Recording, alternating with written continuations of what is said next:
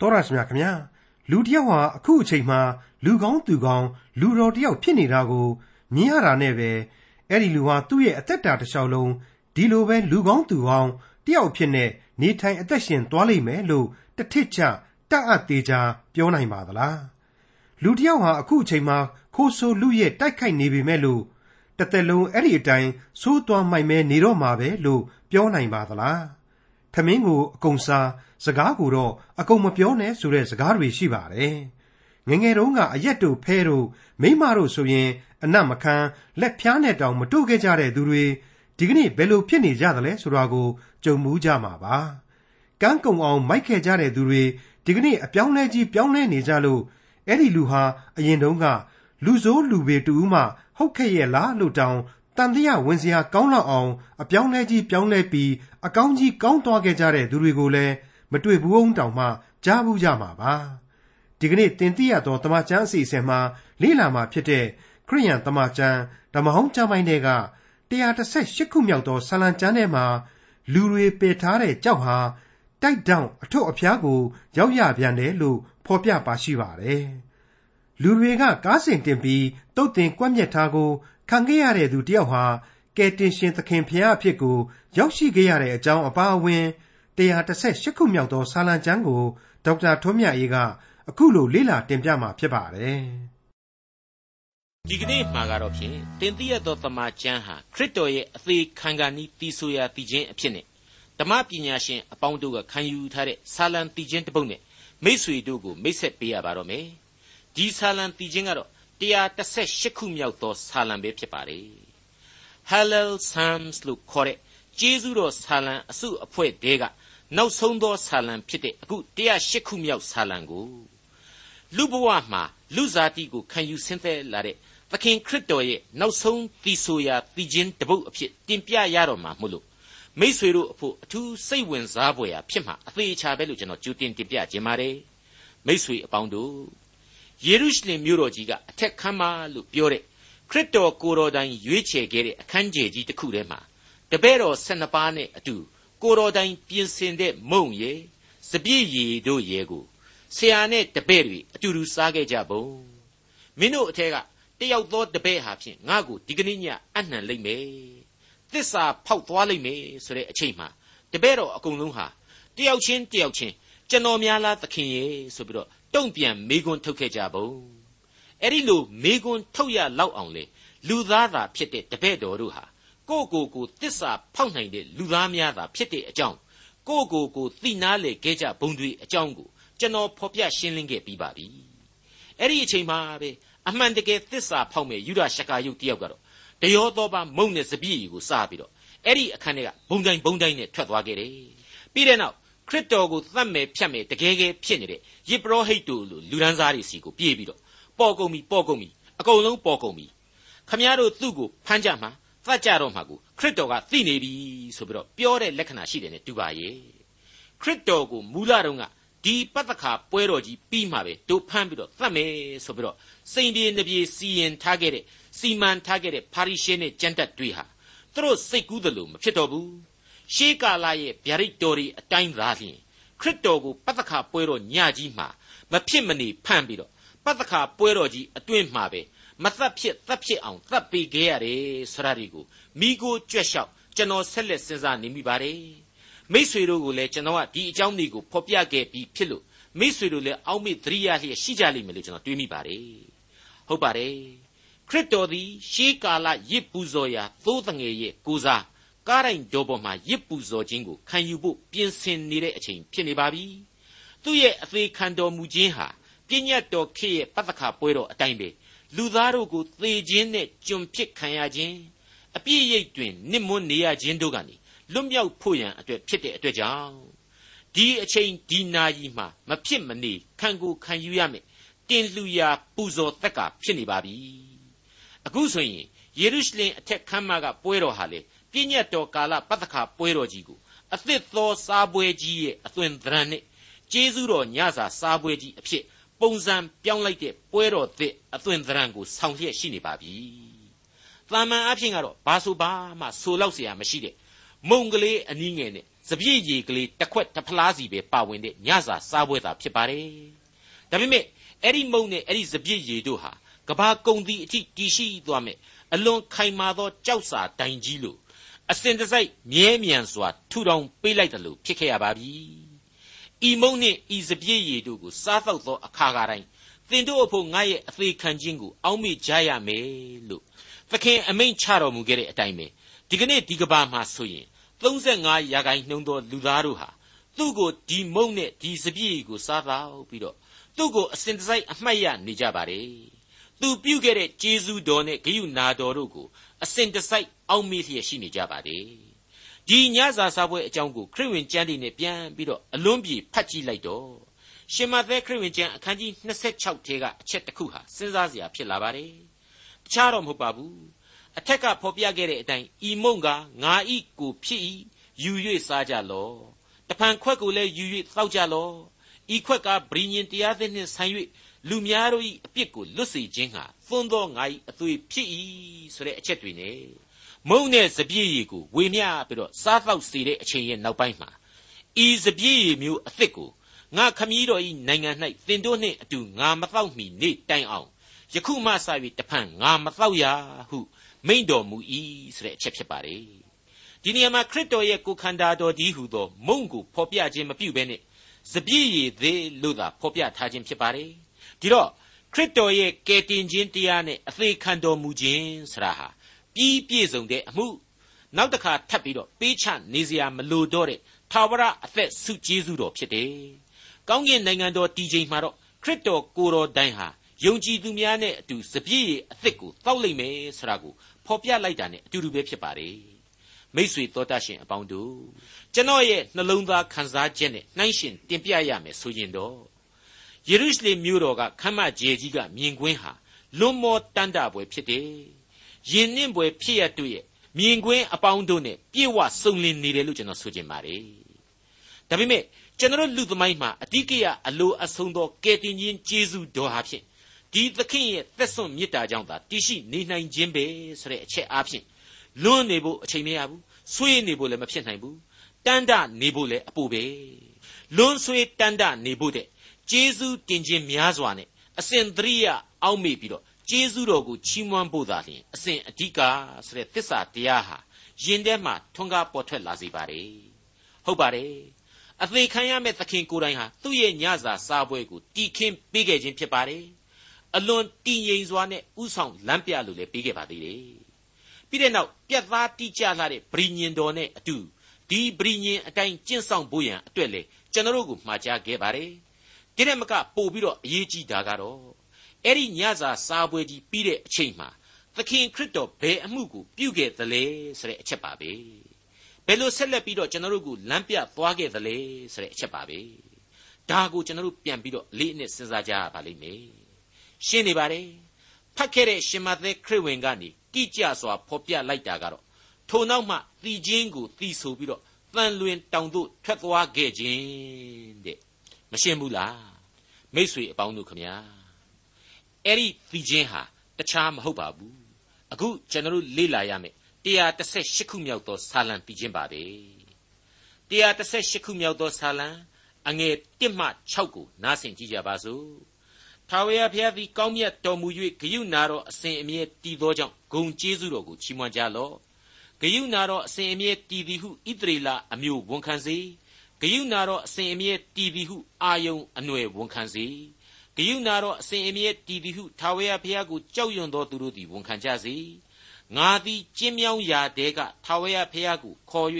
ထာဝရဘုရားသည်ကျယ်ဝန်းသောအရက်ထဲသို့သွင်းတော်မူ၏ထာဝရဘုရားသည်ငါဘက်မှရှိတော်မူသည်ဖြစ်၍ကြောက်เสียမရှိလူသည်ငါ၌အဘယ်သို့ပြုနိုင်သနည်းဇာတိခန္ဓာအနေနဲ့ခံယူရမယ့်ဝေဒနာများဟာ အလွန့်အလွန်ကြောက်စရာကောင်းတယ်အကြီးအကျယ်ပြင်းထန်တယ်ပူလောင်တယ်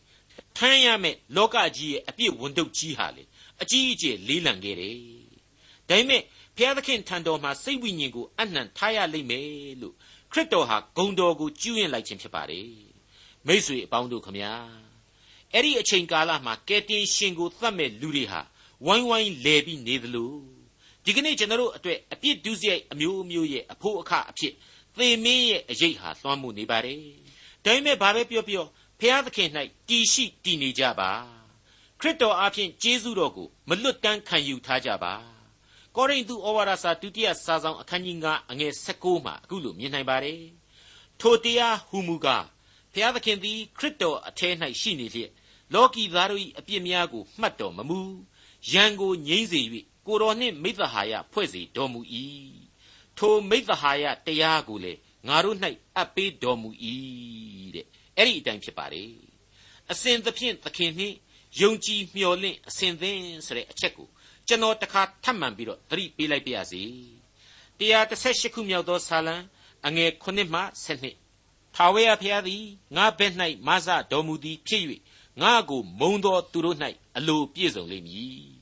ထာဝရဘုရား၌ခိုလှုံခြင်းသည် လူကိုကိုးစားခြင်းတည်းသာ၍ကောင်း၏ထာဝရဘုရား၌ခိုလှုံခြင်းသည်မင်းကိုကိုးစားခြင်းတည်းသာ၍ကောင်း၏လူမျိုးအပေါင်းတို့သည်ငါကိုဝိုင်းကြတော်လဲထာဝရဘုရား၏နာမတော်အဖျင်သူတို့ကိုပယ်ဖြတ်ရ၏ငါကိုဝိုင်းကြ၏ဝိုင်းကြတော်လဲထာဝရဘုရား၏နာမတော်အဖျင်သူတို့ကိုပယ်ဖြတ်ရ၏ပြားများကဲ့သို့ငါကိုဝိုင်း၍အုံကြတော်လဲစူးပင်ကိုလောင်သောမိကဲ့သို့ငြိမ်းကြ၏ ထာဝရဘုရား၏နာမတော်အားဖြင့်သူတို့ကိုပယ်ဖြတ်ရ၏လူကိုမကိုးစားဘဲနဲ့ဘုရားသခင်ကိုသာကိုးစားကြရမယ်တဲ့တကယ်ကိုလက်တွေ့ကြတဲ့ခရစ်တော်ရဲ့ဖြစ်အင်ပါပဲတည်ခြင်းဆို၍တန်လွင်တောင်စီကိုထွက်လာကြတဲ့ကချစ်တပဲ့တော်ဆက်နှစ်ဖော်ထဲမှာတယောက်ပြုတ်ကြံခဲ့ပြီးပြီလေပြုတ်ကြံခဲ့တာတောင်ရိုးရိုးမဟုတ်ဘူးရန်သူတွေကိုပါအဖော်ခေါ်လာပြီးတော့ငွေ30နဲ့ကို့သခင်ကိုကိုရောင်းစားတော့မယ်မဟုတ်ဘူးလား ကြံတဲ့ဆက်တယောက်နဲ့ပတ်သက်လို့ရောကိုတော့ကိုသစ္စာဖောက်မှာကျွန်တော်များဖြစ်နေပါမလားခမညာဆိုပြီးတော့အားလုံးတယောက်မကြံမေးခဲ့တယ်ဆိုတာကျွန်တော်တွေ့ခဲ့ရတယ်မဟုတ်ဘူးလားတယောက်မကြံတို့ဟာကိုယ့်ရဲ့လူစားတိပဂရိသဘောအရာအချိန်မရွေးဖောက်ပြန်တတ်တယ်ဆိုတာကိုသိလို့မေးတာပဲဆိုပြီးတော့ကျွန်တော်အဖြေထုတ်ခဲ့ပါတယ်ကိုကိုကိုတောင်တလောက်သိသေးရင်ခရစ်တော်ပို့ပြီးတော့မသိပဲနေမလားလူကိုမကိုးစားကြနဲ့ဖျားသခင်ကိုသာကိုးစားကြတဲ့ဟုတ်ပါတယ် ခရစ်တော်ကိုတပည့်တော်တွေဟာအလွန်ချစ်ပါတယ်ယုံကြည်ခြင်းတွေလည်းများစွာရှိကြပါတယ်ဒါပေမဲ့ကိုမချိအမိတော်လဲသားတော်ကဲဆိုတဲ့သဘောမျိုးဖြစ်ခဲ့ကြပါတယ်သစ္စာကိုစီဖောက်မိခဲ့ကြပါတယ်ကို့ပါဖမ်းပြီးတော့သတ်မှဆိုလို့ကြောင်မြောင်အောင်ကြိုက်ပြီးတော့ထွက်ပြေးခဲ့ကြပါတယ်လူများတို့သည်ဝိုင်းဝိုင်းလဲနေတယ်အုံနေတယ်တဲ့ဟုတ်ပါတယ်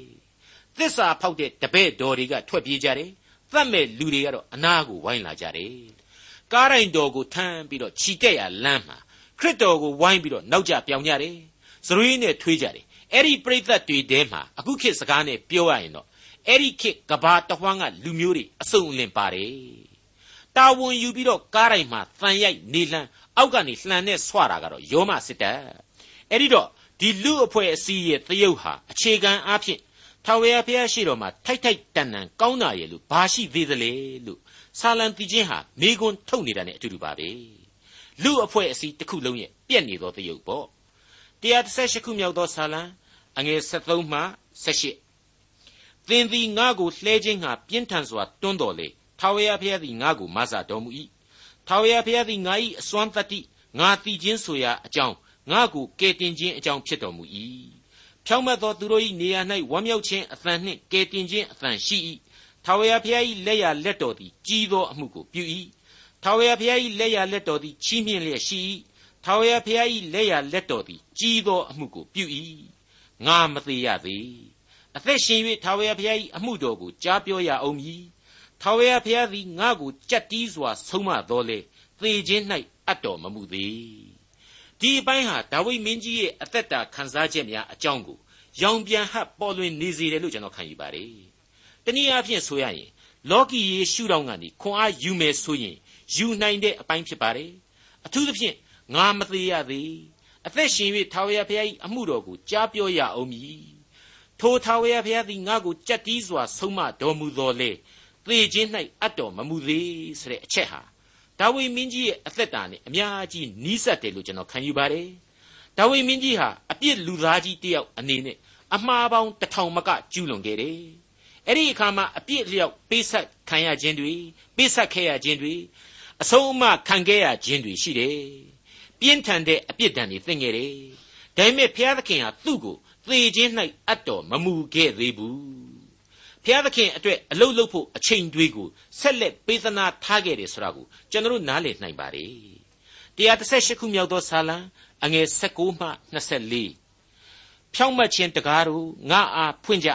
ငါဝင်၍ထာဝရဘုရား၏ဂုဏ်တော်ကိုချီးမွမ်းရမည်ဤတကားသည်ထာဝရဘုရား၏တကားဖြစ်၏ဖြောင့်မတ်သောသူတို့သည်ဝင်ရကြ၏ကိုတော်ကိုအကျွန်ုပ်ချီးမွမ်းပါမည် အကြောင်းမူကားကိုတော်သည်အကျွန်ုပ်၏စကားကိုနားထောင်၍အကျွန်ုပ်ကိုကယ်တင်တော်မူ၏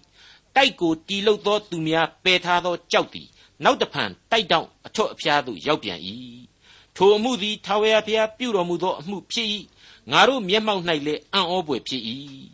ဤနေ့ရက်သည်ထာဝရဘုရားစီရင်တော်မူသောနေ့ရက်ဖြစ်၍ယနေ့ဝမ်းမြောက်ရွှင်လန်းကြကုန်အံ့အလွန်တရာအရေးကြီးတဲ့ကြံပိုင်းပဲလို့ကျွန်တော်ခံယူမိပါတယ်ထာဝရဘုရားစီကိုဝင်ဖို့ တကားဟာဖြောင့်မတ်ခြင်းတကပေါက်ဖြစ်တယ်ဖြောင့်မတ်သူတို့ဝင်နိုင်သောတကားလည်းဖြစ်တယ်ဆိုတာကိုပြက်ပြက်သားသားဖော်ပြလိုက်ပါတယ်ကျွန်တော်သင်သိရသောသမာကျမ်းသင်ခန်းစာအဆက်ဆက်မှာဖြောင့်မတ်ခြင်းအခွင့်ဆိုတာဟာဘုရားသခင်ကသတ်မှတ်တဲ့အခွင့်သာဖြစ်တယ်ဒီဖြောင့်မတ်ခြင်းတရားဝိယုံအားဖြင့်သာလျှင်လေကျွန်တော်လူသားဟာဘုရားသခင်စီကိုဝင်ရောက်နိုင်တယ်ဖြောင့်မတ်ခြင်းအခွင့်အတွက်ခရစ်တော်ကိုယုံကြည်ခြင်းရှိဖို့အထူးပဲလိုတယ်ခရစ်တော်မပေါ်ထွန်းမီကလေးကအကျင့်တရားတွေ ရစ်ပူဇော်ခြင်းတွေကျမ်းစာတွေကိုအလွတ်ရွတ်ဆိုခြင်းတဲ့ယုံကြည်ခြင်းတရားသာလျှင်အဓိကဒီအချက်ကိုကျွန်တော်ရှင်းပြခဲ့ပြီးပါပြီဒါဟာတနည်းတစ်ဖုံပြောရမယ်ဆိုရင်တော့အဖဖျားသခင်စီကိုကယ်တင်ရှင်သခင်ခရစ်တော်အားဖြင့်သာလျှင်ဝင်ရောက်နိုင်လိမ့်မယ်ဆိုတဲ့အချက်ပဲဖြစ်ပါတယ်ဟုတ်ပါတယ်ရှင်ယောဟန်ခရစ်ဝင်ကျမ်းအခန်းကြီး30အငယ်6မှာငါသည်တကားဝဖြစ်၏ငါဖြင့်ဝင်သောသူသည်ဘေးနှင့်ကင်းလွတ်လျက်ထွက်ဝင်၍ ကျက်စားရာအရက်ကိုတွေ့ရလိမ့်မည်လို့ဖော်ပြထားပါတယ်။အဲ့ဒီရှင်ယောဟန်ခရစ်ဝင်ကျမ်းအခန်းကြီး14အငယ်6မှာပဲထပ်မံဖော်ပြထားတာကတော့ယေရှုကငါသည်လမ်းခရီးဖြစ်၏။သမာတရားလည်းဖြစ်၏။အသက်လည်းဖြစ်၏။ငါကိုအမိမပြုတ်လျင်အဘယ်သူမျှခမည်းတော်ထံသို့မရောက်ရဆိုတဲ့အချက်ပဲဖြစ်ပါတယ်။တိုက်ကိုတီလုတ်သောသူများပယ်ထားသောကြောက်သည်နောက်တဖန်တိုက်တောင်အထွတ်အဖျားသို့ရောက်ပြန်၏ဆိုတဲ့အချက်ဟာ ကယ်တင်ရှင်သခင်ခရစ်တော်ကိုတိုက်ရိုက်ဖော်ပြလိုက်ခြင်းပါပဲရှင်ပေတရုဩဝါဒစာပထမစာဆောင်အခန်းကြီး2အငယ်၄ကနေ8အတွင်းမှာအခုလိုကျွန်တော်တို့တွေ့နိုင်ပါတယ်လူတို့ပယ်ထား၍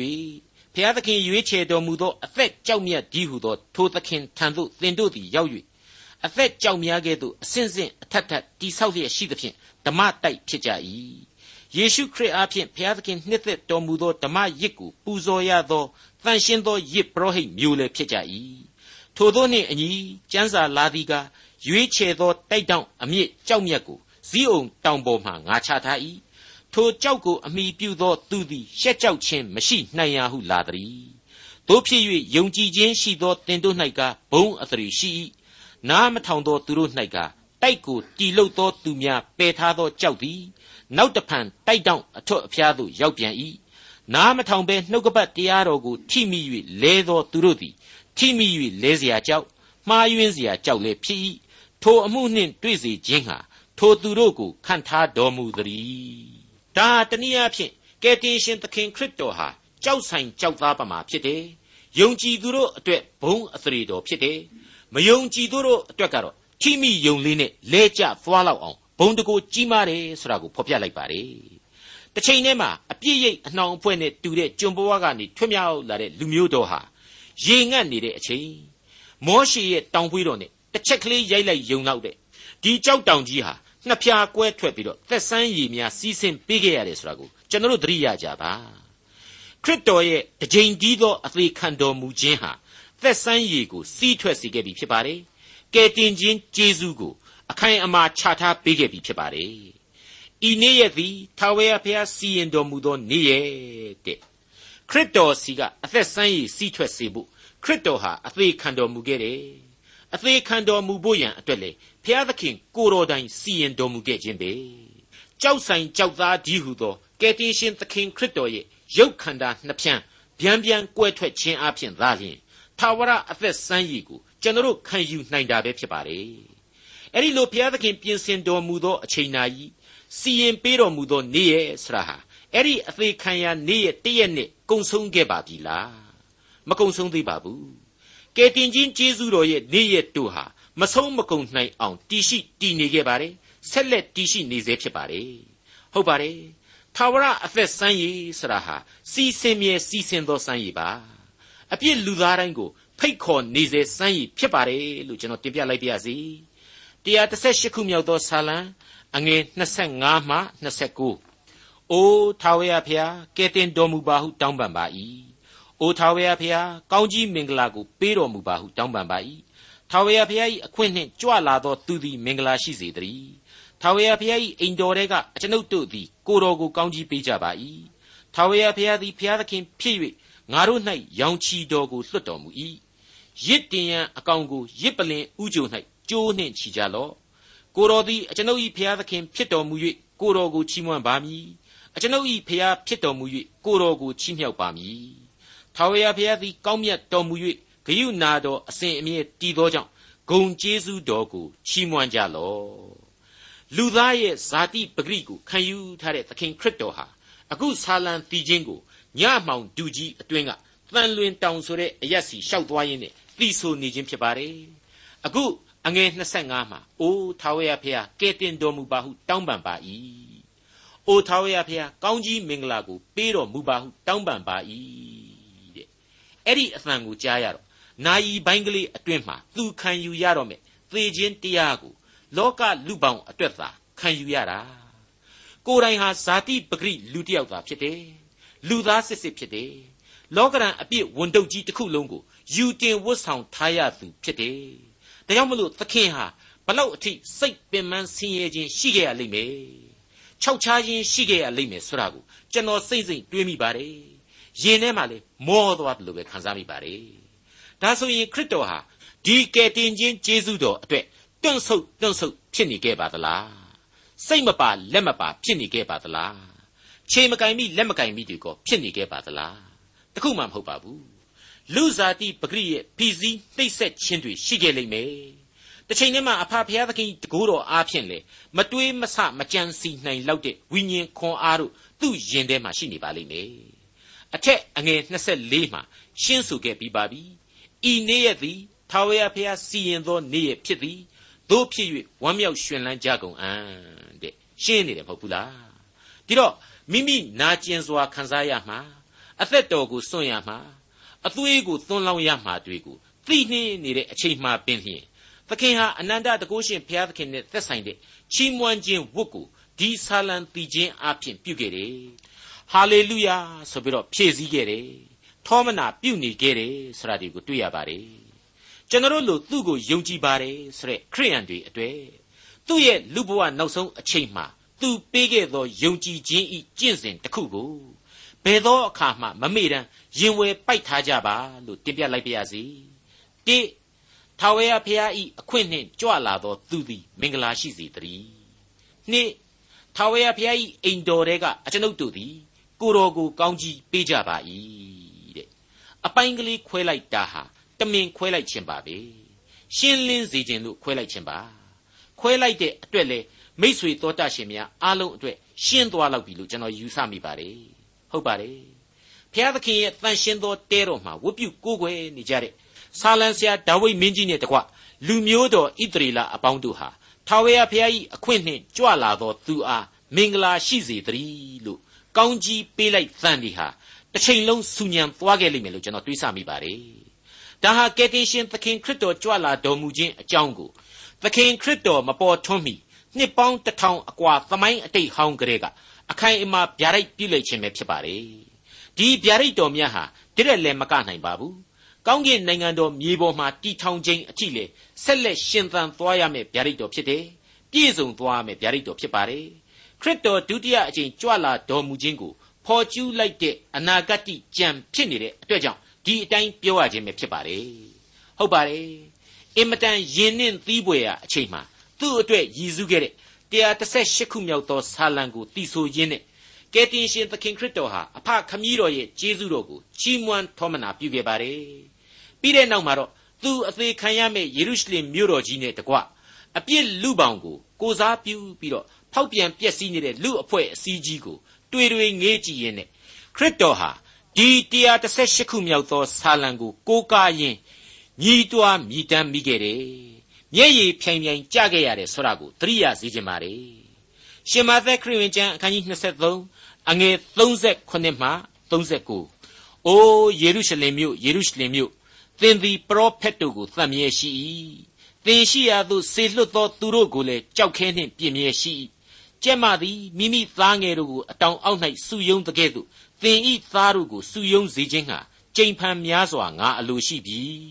သင်မူကားအလိုမရှိသင်တို့နေသောအိမ်သည်သင်တို့၌လူစိတ်ညံလျက်ကြံရရ၏ ငါဆိုသည်ကားထာဝရဘုရား၏အခွင့်နှင့်ကြွလာသောသူသည် မင်္ဂလာရှိစေသောဟုသင်တို့မပြောမိတိုင်အောင်ယခုမှစ၍သင်တို့သည်ငါမျက်နှာကိုမမြင်ရကြဟု မိန့်တော်မူ၏မိษွေတော်တတ်ရှင်အပေါင်းတို့ခမညာဏီကုံးချုပ်အနေနဲ့ကတော့138ခုမြောက်သောဆာလံတီချင်းဟာဖြင့်ပြင့်မှောင်လောကလူဘဝရဲ့ကြောက်မဲ့ဖွယ်ပြက်သုံးခြင်းသဘောကိုအောက်မေ့ဖို့ရန်ဖြစ်စေသလို ကယ်တင်ရှင်ယေရှုတရားကိုပြန်ကြားသက်သေတည်စေတဲ့အောက်မေ့ပွေသောဆာလံတီချင်းလည်းဖြစ်တဲ့အကြောင်းလေးစားစွာတင်ဆက်ဖော်ပြပေးလိုက်ရပါတယ်ဒေါက်တာထွန်းမြတ်ရေးစီစဉ်တင်ဆက်တဲ့တင်ပြရသောတမချန်းအစီအစဉ်ဖြစ်ပါတယ်နောက်တစ်ချိန်အစီအစဉ်မှာခရိယန်တမချန်းဓမ္မဟောင်းကျမ်းပိုင်းမှာပါရှိတဲ့136ခုမြောက်သောစာလံကျမ်းကိုလေ့လာမှဖြစ်တဲ့အတွက်စောင့်မျှော်နားဆင်နိုင်ပါတယ်။